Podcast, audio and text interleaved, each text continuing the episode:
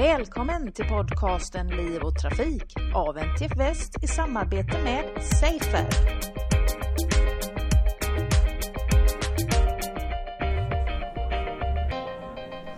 Det är den 9 september och Liv och Trafikpodden befinner sig på Tylösandsseminariet och jag har precis hört Göran Sydhage som är MHFs eh, VD summera hela seminariets tre dagar. Välkommen till programmet Göran. Tack så mycket. Eh, jag tänkte börja med att fråga dig, eh, MHF hade ju själva ett seminarium som heter Alkohol och droger i trafiken, ett icke-problem år 2030. Hur har ni tänkt komma fram till det?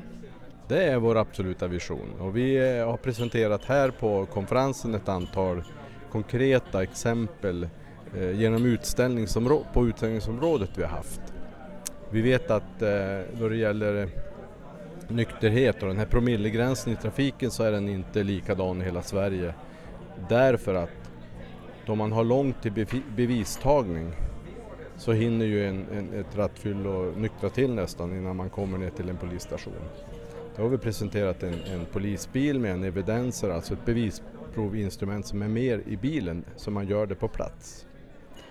Och det där grundar vi då på att eh, polisen idag gör ungefär fem, drygt 50 procent av alla utandningsprov inom en radie som är 3 kilometer från stationen. Och det är för att ta snabbt in och göra bevisprovtagning. Det andra är ju en utveckling av det här med alkobommar som vi har testat i hamnarna. Att kunna göra det på trafikkontrollplatser, att göra det i många fler hamnar, på flygplatser. Eh, vi såg ju här i, vår, i höst var det väl faktiskt en, en flygplatspersonal i Norge där fyra av fem var alkoholpåverkade. Styrmannen hade visst 1,1 promille i blodet. Och då skulle man kunna ha samma system där för att också få bort problemet inom flyget. Och vad jag förstår så har ni också tänkt in att väktare skulle kunna spela en speciell roll i det här när det inte finns poliser på plats? Ja, just att hänvisa dem till en, en uh, obemannad uh, station eller en, en kur eller vad man ska säga. En barack kan det vara där det sker bevisprovtagning på länk. Där en polis kanske ledig i Bollnäs kan förhöra en en rattonykter i Stockholm. Eller. Så det är också ett sätt som vi har presenterat här för att göra det möjligt, med, inte med mer resurser men få ut mer av de resurser vi har. Det låter onekligen mycket intressant. Eh, nu till dina mer övergripande reflektioner. Vad, eh, vad har varit mest spännande det här året?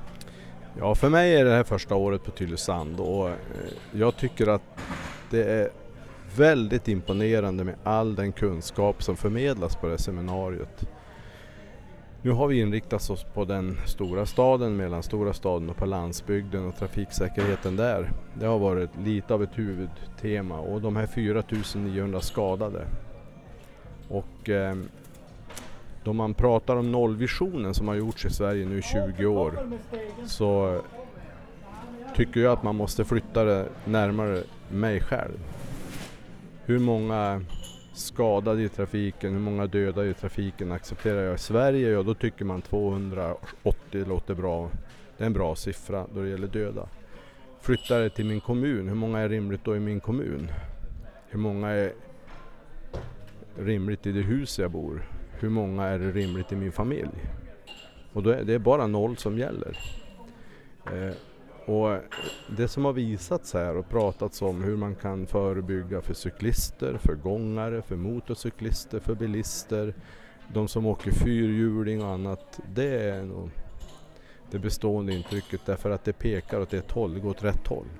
Första dagen på seminariet fick vi också höra infrastrukturministern Anna Johansson eh, bemöta ett vallöfte som utfärdades på förra årets seminarium av Anders Ygeman kring att sektorsinsvaret ska återinföras för trafiksäkerheten om eh, S vinner valet. Och nu kunde vi höra Anna Johansson säga att man har inte riktigt börjat titta på detta ännu men att man eh, inser att det finns en problematik. Så jag skulle vilja fråga dig, har du och MHF någon eh, teori, förhoppning kring hur det kommer gå med den här frågan? Ja, vi har en förhoppning att det, ska, att det ska genomföras, att det ska bli ett samlat sektorsansvar. Vi har däremot ingen uppfattning hur, utan det överlåter vi nog mer till beslutsfattare att ta tag i. Men att, att det görs och att man får ett samlat sektorsansvar, det tycker vi är viktigt. Inför nästa år, vad tänker du? Har du någon eh, känning eller framtidsspaning du vill dela med dig av vad vi kommer kunna förvänta oss när vi ses igen? Vi har inte satt oss och börjat planera 2016 än så att även om jag hade haft det, hade jag haft det då skulle jag kunna säga det men det har vi inte. Så att då kanske ni är öppna för tips, idéer? Det är vi. Vi kommer att lusläsa utvärderingarna för att se vad, vad man vill se och ta del av nästa år. Då tackar jag dig så jättemycket Göran och ser fram emot att träffa dig igen nästa år. Tack för det, detsamma. Det var allt från Liv och Trafik för denna gång. Jag heter Angela Elvård och tack för att ni har lyssnat.